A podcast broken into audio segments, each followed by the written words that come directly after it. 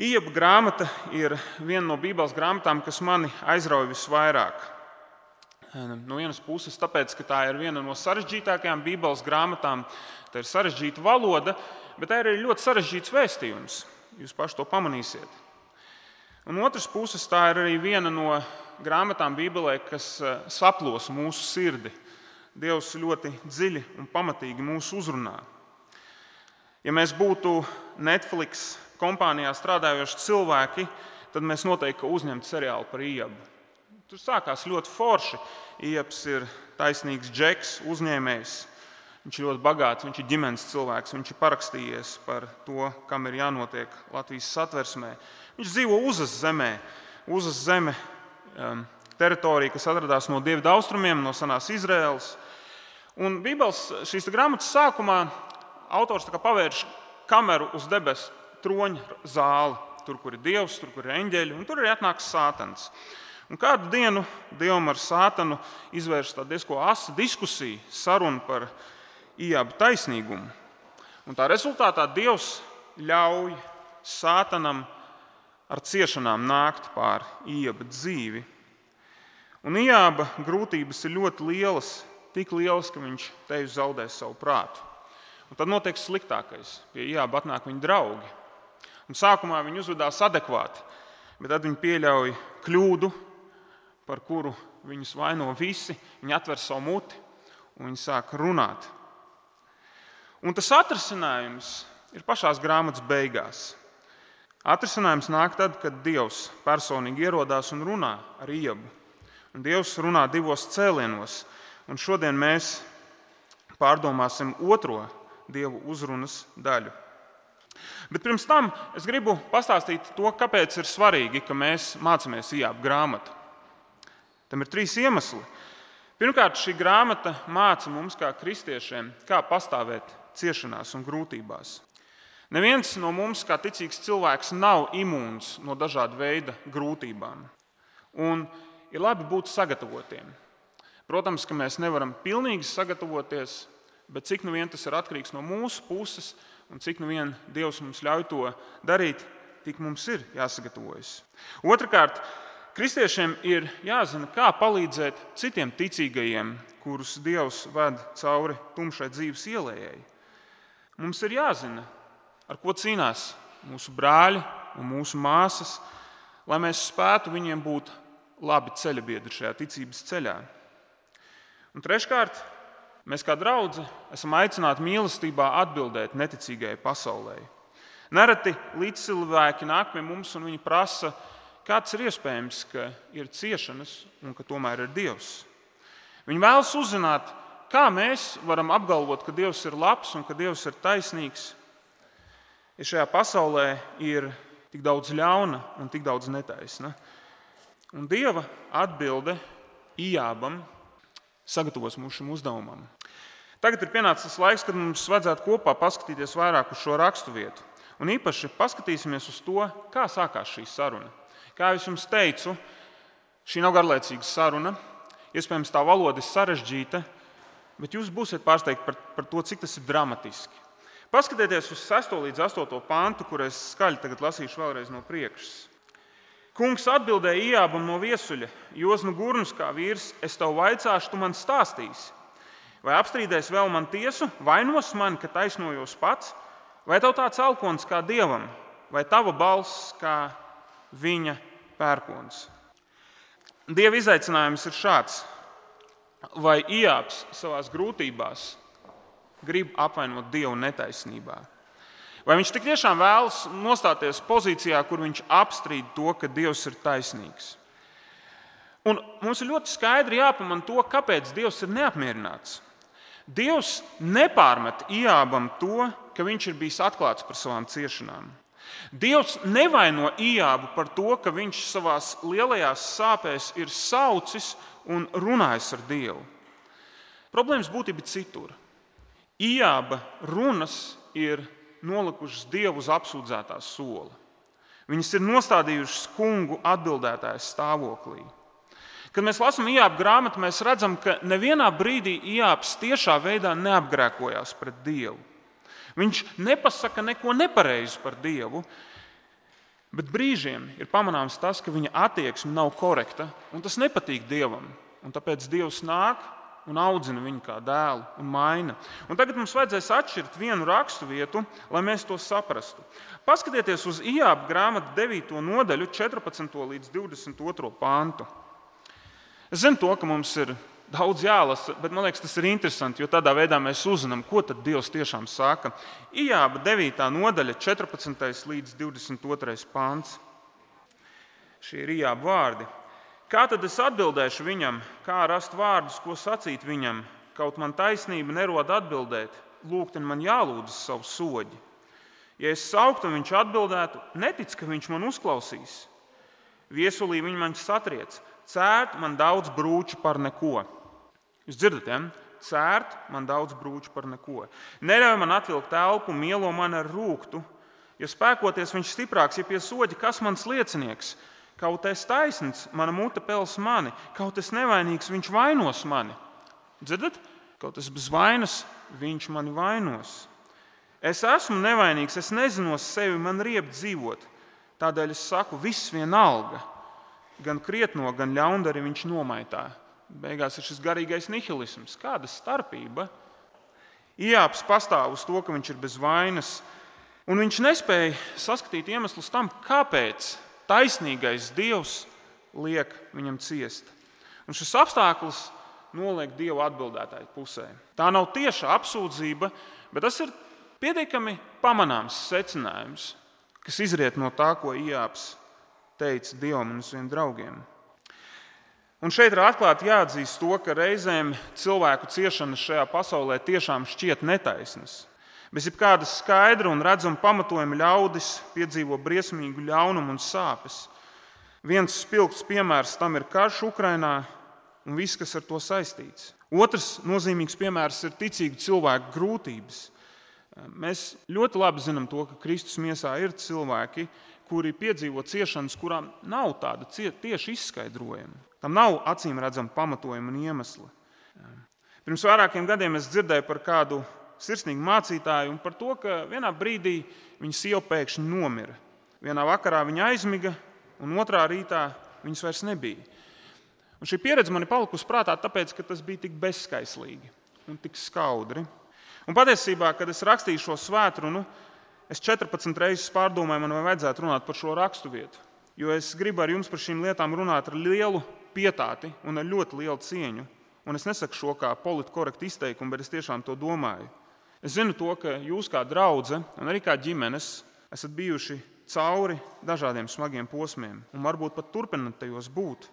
Un šajā ziņā jūs daudz labāk par mani zinat, kā pastāvēt grūtībās. Un labākais, uz ko es varu cerēt, ir šajā svētdienā, kad Dieva vārds uz jums runās un stiprinās, tāpat kā arī mani. Ko tad Dievs atbildēja Ijābam? Jo saruna sākās ar to, ka Dievs atgādina, tu esi ielicis mani netaisnā pozīcijā. Un es gribu mūs brīdināt, ka Dieva atbilde nav cilvēciska. Citreiz kristiešiem gribas pievērst uzmanību neticīgai pasaulē, un tad mēs paņemam tādas populāras tēmas, dievs un ciešanas, un mēs gribam pateikt kaut ko tādu, kas latviešu izsakoties makes a lot of sense. Bet problēma ir tāda, ka Dieva atbilde neietilpst mūsu rāmjos. Tā vietā, lai runātu par iemesliem, Dievs pievērš uzmanību savai godībai un varenībai. Ijāps prasa, kungs, Kāpēc es taisnīgs būdams ciešu? Un Dievs viņam atbild. Un šeit ir svarīgi saprast, ka Dievs to dara mīlestībā. Jā, un jūs, brāļi un māsas, un tu, Miroslav, skatieties uz manu spēku, uz manu varenību un pārdomājiet, vai ir vispār vērts man tiesāties. Nu, redziet, ja Ijāps vēlas tiesāties ar Dievu, tad viņam ir jāieņem Dieva tronis. Tā teikt, viņam ir jāpaņem tā Dieva valdnieka mantija, jāuzmet uz saviem pleciem, un jāsāk valdīt. Tas ir pirmais izaicinājums. Paskatīsimies uz raksturu 40. nodaļa, 9. līdz 14. pāns. Šie ļoti būtiski panti. Ja jūs viņus neredzat, jums būs grūti saprast esenci. Paskatāmies kopīgi. Vai tev tāds elkons kā dievam, vai tava balss kā viņa pērkons? Posies tad godā un augstībā, diženumu un cēlumu ģērbi šķiet savas dusmas, uzlūko lepnos un saliec tos, uzlūko lepnos un satriec tos, un ļaundarus min pie zemes. Pīšļos apslēptos visus vaigu tiem tumsībā tin, tad arī es uzteikšu tevi, ka tava labā roka tevi glābi. Dieva izaicinājums ir diezgan grandios. Viņš saka, Ijāb, tu gribi mani saukt pie atbildības. Ļoti labi. Tad es to piedāvāju kļūt par pasaules tiesnesi. Ja pasaule ir kā hokeja laukums un tur ir tiesneši, tad Dievs saka, Ijābam, nu tad aiziet, nāc manā vietā. Ijābam ir jāspēj visaptvarošā veidā tikt galā ar ļaunumu. Visus, kas ir lepni, visi, kas ir pret kungu, Ijābam viņus ir jānotiesā un jāpazudina. Un tā lietas būtība, šeit jau ir skaidra. Nav tā, ka Ijāps sēž un domā, bāc, varbūt tiešām. Tas ir skaidrs. Neviens nav apveltīts ar tādu autoritāti.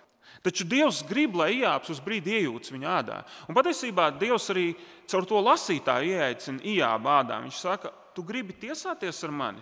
Lūdzu, pamēģini pārvaldīt pasauli kā taisnīgs tiesnesis, kāds es tas esmu. Ja jau Ijāps pārmet Dievam taisnības trūkumu, tad lai viņš izdara labāk. Ja jau Dievs nav pietiekami taisnīgs soģis, tad lai pats Ijāps uzņems šo amatu.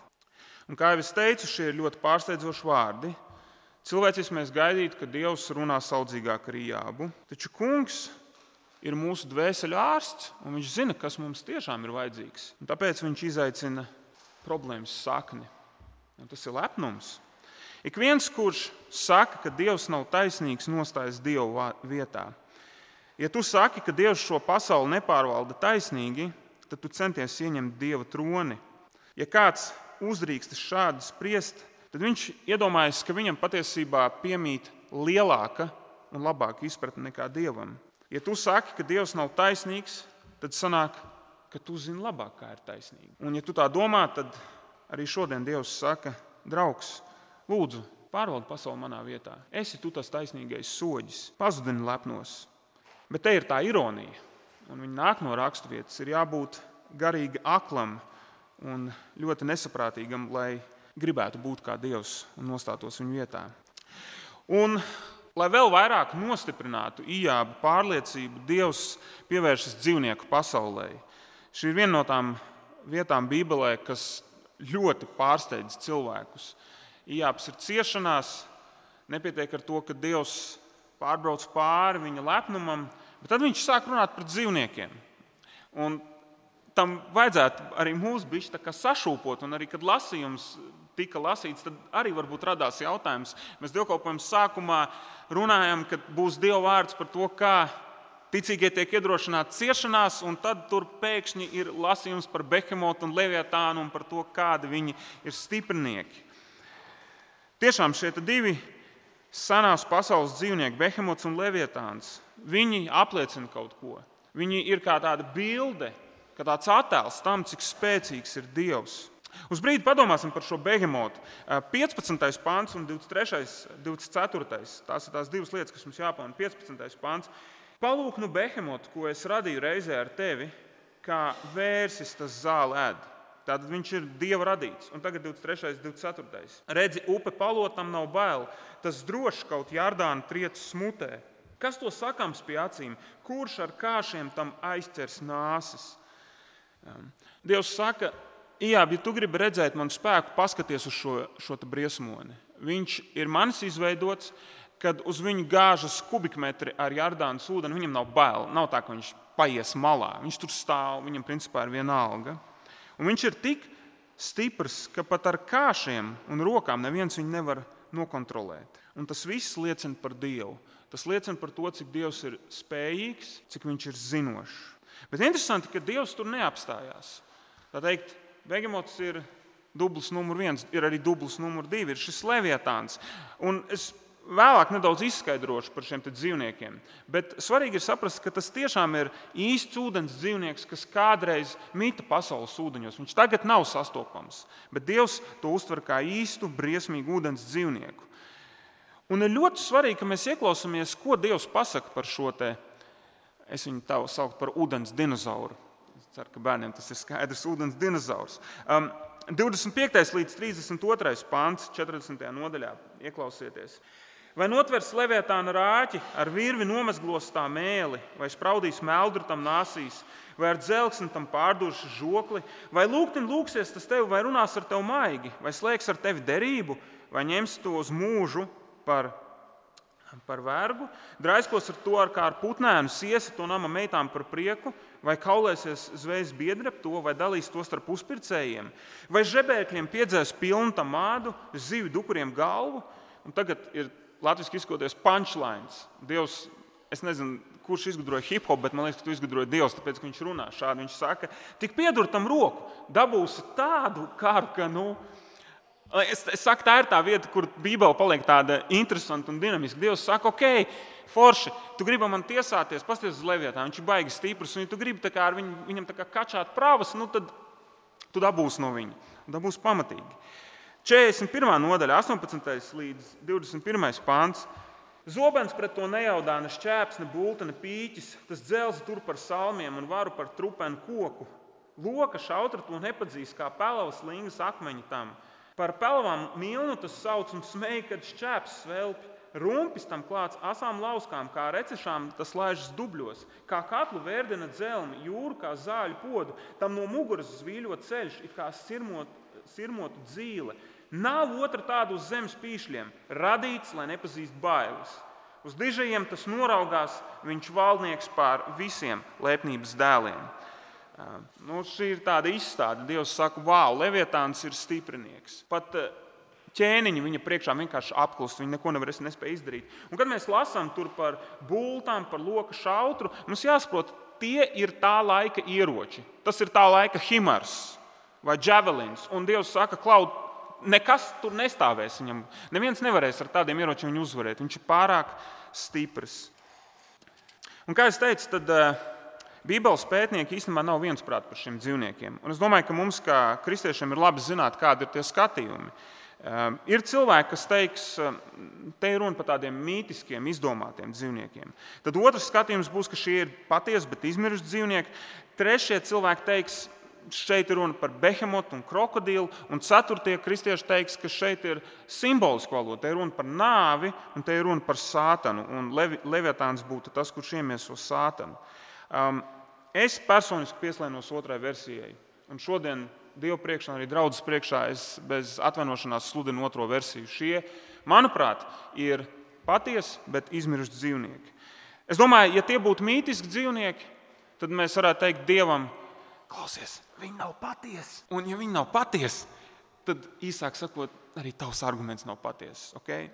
Otrs, um, ja tie ir krokodils vai behemots, grūti uztvert, jo tie apraksti atšķirās. Krokodilam nav tādas zvīņas kā tam leviatānam, un arī uguni viņš nešķiļ vai nāve un sātans, man arī to grūti uztvert, jo tad tas arguments būtu bišķi, bišķi apgāsts. Kāda jēga Dievam teikt, pasties, cik es esmu varants, es esmu uztaisījis nāvi un es esmu uztaisījis sātanu.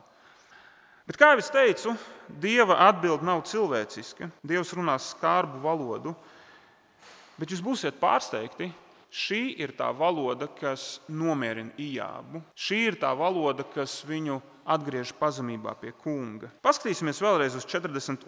nodaļas 1 līdz 6 pantu.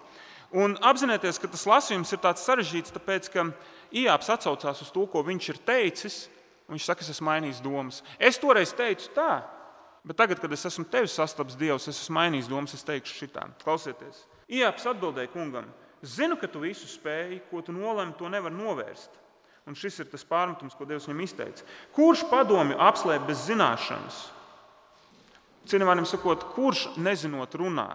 Un Jānis atzīst, jā, es runāju, bet nesapratu. Brīnums tas man, es nezināju. Klausies, ja es runāšu, es tev vaicāšu, stāsti tu man. Lūk, tas ir Dieva izaicinājums Jābam. Runā ar mani, atbildi. Un Jānis saka, tikai dzirdējis biju par tevi, nu manas acis tevi ierauga. Interesanti, viņš pirms tam zināja par Dievu, Un tagad viņš ir ieraudzījis Dievu. Bet tur ir viena problēma. Dievs viņam neparādījās redzamā veidā. Ziniet, kas tur ir pa domu? Doma ir tāda, viņš zināja par Dievu, bet tagad viņš reāli saprata, kāds ir Dievs. Viņam aizgāja tas, cik varants un cik pārstāvošs ir Dievs. Un visbeidzot, noslēgums. Tāpēc noliedzu sevi un nožēloju pīšļos un pelnos. Ijāps saprot to, ka viņš ir bijis nesaprātīgs. Viņš saprot to, ka apsūdzēt Dievu nav pareizi. Dievs ir pārāk liels un varants, lai viņu nosēdinātu uz apsūdzēto soli, un Ijāps atzīst savu vainu. Daudzi cilvēki samulst par Ijāba atbildi. Un tā kā es šo raksturvietu šodien atkārtot studēju, es arī biju samulsis. Viņi nespēja pieņemt to, kā kungs atbild savam kalpam. Izklausās tā, it kā Dievs teikt sekojošo: Ijāb, padomā par manu spēku. Tu taču saproti, ka es esmu pārāks. Nesāc ar mani strīdēties, jo man ir vienkārši vairāk varas. Un kā cilvēki mēs esam šokā par šādu atbildi. Vai gadījumā Dievs te neizdara spēku spiedienu, vai Dievs šeit vienkārši neapspiež ijābi jautājumus? Un redziet, Kā cilvēki mēs ļoti bieži pieļaujam vienu fundamentālu kļūdu. Mēs iedomājamies to, ka mēs esam līdzvērtīgi Dievam. Mēs esam radīti viņa līdzjūtībā, bet mēs neesam viņam līdzvērtīgi. Dievs nav kā līdzcilvēks, kur mēs varam apsūdzēt. Viņš nav kā jebkurš cits, lai arī cik varants, vai arī cik stiprs viņš būtu, kur mēs varētu paņemt un aicināt uz tiesu. Mums liekas, ka mēs varam brīvi un ka mēs drīkstam brīvi sūdzēties par Dieva valdīšanu, un ka mēs pat varam tā šķietam nevainīgi pārmest Dievam taisnīgumu trūkumu. Taču Ijāba grāmata mums māca, šāda domāšana ir nepareiza. Dievs nav vienlīdzīgs mums, viņš ir pārāks. Es gribu pievērst jūsu uzmanību diviem pantiem, kas šajā nedēļā no jauna mani uzrunāja un un ielika to apziņu vēl pamatīgāk sirdī. 41. nodaļas 2. un 3. pāns. Ļoti uzmanīgi jāskatās. 42. pānta otrā puse, tas tā ir, tā ir dieva runa. Viņš saka, kurš tad stāsies pret mani? Kurš iebildīs manam taisnīgumam? Un tagad klausieties, kā Dievs savu raksturo. Kurš parādu piedzīs man, lai nomaksāju, kas apakš debesīm viss mans? Man liekas, šis ir viss viens no visiespaidīgākajiem dieva raksturojumiem Bībelē.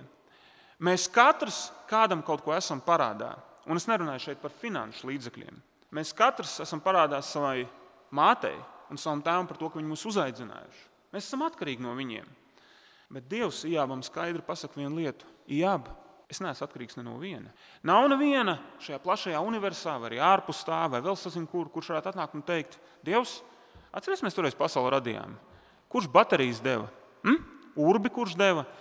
Protams, šī ir kariķēšana. Bet būtība ir skaidra. Dievs ir neatkarīgs, pilnīgi neatkarīgs. Visas lietas viņam pieder un viss pastāv ar viņa gribu. Viņš ir pilnīgi citā svara kategorijā. Ko Ijāba grāmatas vēstījums nozīmē mums? Redziet, Dieva atbilde patiesībā ir sargs un vairogs mūsu ticības dzīvē.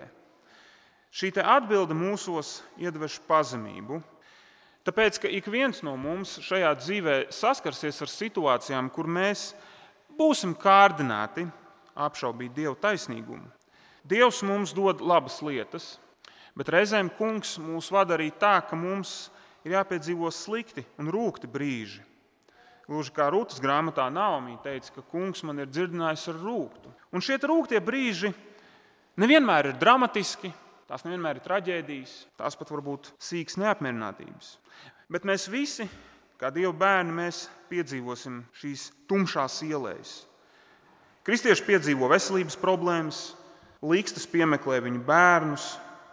Ne savas vainas dēļ kristieši nonāk lielās finansiālās grūtībās. Kristiešus reizēm nospiež tas, ka kungs nedod viņiem laulātu draugu vai bērnus. Un šis ir sāpīgs pieredzes. Tās ir eh, pieredzes, kas sagriež mūsu pasauli kājām gaisā. Viņas rītīgi krata mūs.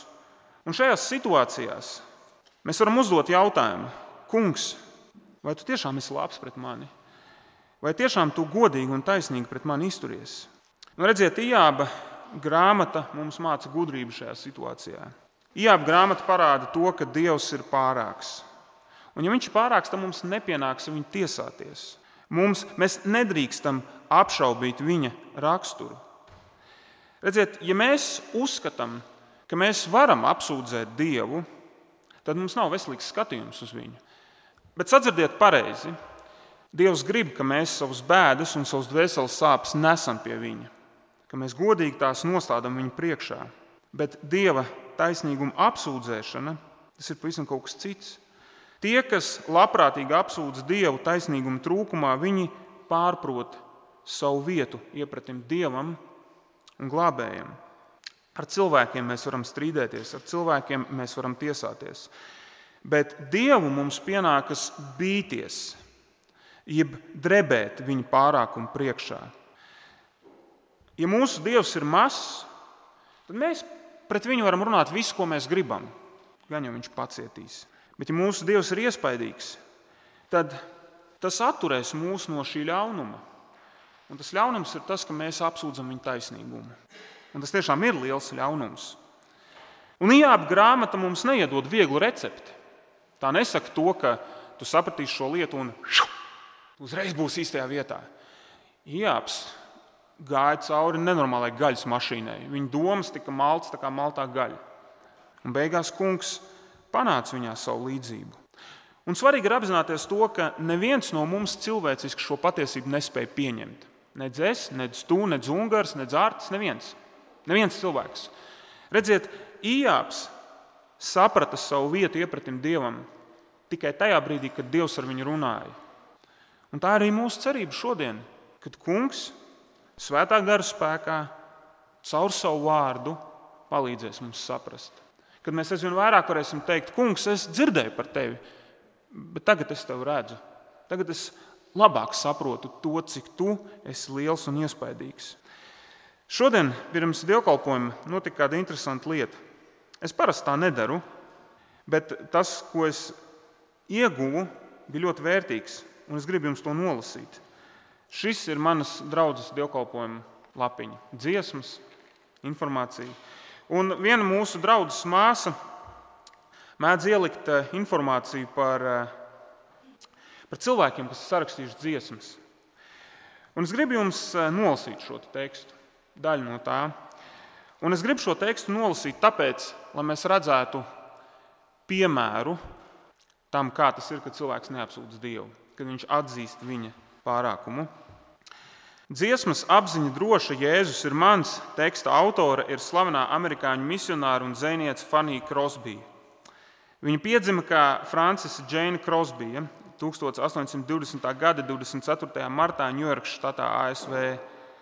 Fanija bija akla, taču viņa nekad to neuzskatīja par apgrūtinājumu, bet gan par svētību savā dzīvē. Viņa reiz rakstīja, Svētais Dievs savā providencē ir lēmis, ka man visu manu mūžu jābūt aklai. Un es pateicos viņam par šo dāvanu. Um, Es domāju, ka tie ir vārdi, par kuriem vēl un vēl varētu padomāt. Bet man liekas, tas, ko mums ir jāsadzird, ka šī grēcīgā sieviete ar dievpalību bija sapratusi. Un tas arī tas, ko Ijāba grāmata mums māca. Svētais Dievs savā providencē ir lēmis. Un tā kā viņš ir lēmis, tā tas ir arī jāpieņem. Tas nenozīmē, ka pieredze ir viegla, bet mēs nelasām par to, ka viņa apsūdzētu Dievu. Tā ir tā viena lieta, kas mums jāatcerās. Viņa, viņa neapsūdzēja, neapsūdzēja Dievu. Pēc neliela brīža mēs visi kopā svinēsim vakarēdienu. Un vakarēdienas ir žēlstības līdzeklis. Redzamā veidā mūsu dabas tēvs mums atgādina to, ko Jēzus izdarīja pie krusta staba Golgātā. Un tas, ko mēs šodien uzrunā dzirdējām par Dievu, tam vajadzētu satricināt mūs līdz sirds dziļumiem vakarēdienas brīdī. Dievs ir daudzkārt pārāks par mums. Mēs neesam viņam līdzvērtīgi. Taču mūsu Dievs tik ļoti mūs mīl, ka viņš kļuva par vienu no mums. Tas, kurš radīja Levietānu un Behemotu, tas, kurš var patiesi teikt, ka viņš ir neatkarīgs un ka viss pieder viņam, viņš kļuva par cilvēku. Un Dievs kļuva par cilvēku nevis lai viņam kalpotu, bet lai pats kalpotu un atdotu savu dzīvību par atpirkšanas maksu un samaksātu par maniem un taviem grēkiem. Un es gribu teikt, ka Kunga Jēzus Krusta nāve ir tāds papildus grūdienis pieņemt Dieva varenību, jo tur Dievs apliecina to, ka Viņš zina ciešanas. O jā, Viņš tās zina. Un krusta nāve ir apliecinājums tam, ka mūsu Dievs tik ļoti mūs mīl, ka uz brīdi savu visvarenību Viņš vienkārši nolika malā un kļuva par neko, par tukšu vietu, lai mūs izglābtu. Vienosimies lūgšanā. Dabas Tēvs, miesa nelīdzina nieka, bet Tavs gars mūs padara dzīvus. Un tādēļ mēs lūdzam, lai Tavs svētais gars mūsos ieraksta šo apziņu, ka Tu esi pārāks. Tu mūs mīli, bet Tu neesi mums līdzvērtīgs. Tu rūpējies par mums, bet mēs salīdzinājumā ar Tevi esam niecības. Palīdzi mums šo atcerēties un dara tā, ka šī apziņa mūs pasargā no tevis apvainošanas, dara tā, ka šī apziņa padara mūs spējīgus citiem kalpot un atbildēt arī uz viņu jautājumiem. Tās visas lietas tev lūdzam, Kungi, Jēzus Kristus vārdā. Amen.